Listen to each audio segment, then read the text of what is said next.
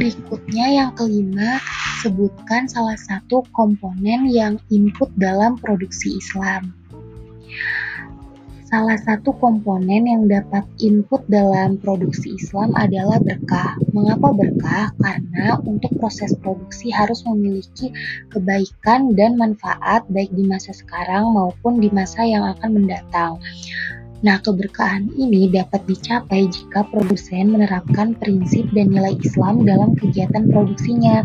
Dalam upaya mencapai berkah dalam jangka pendek akan menurunkan keuntungan uh, karena adanya biaya berkah, tetapi dalam jangka panjang kemungkinan justru akan meningkatkan keuntungan karena meningkatnya permintaan.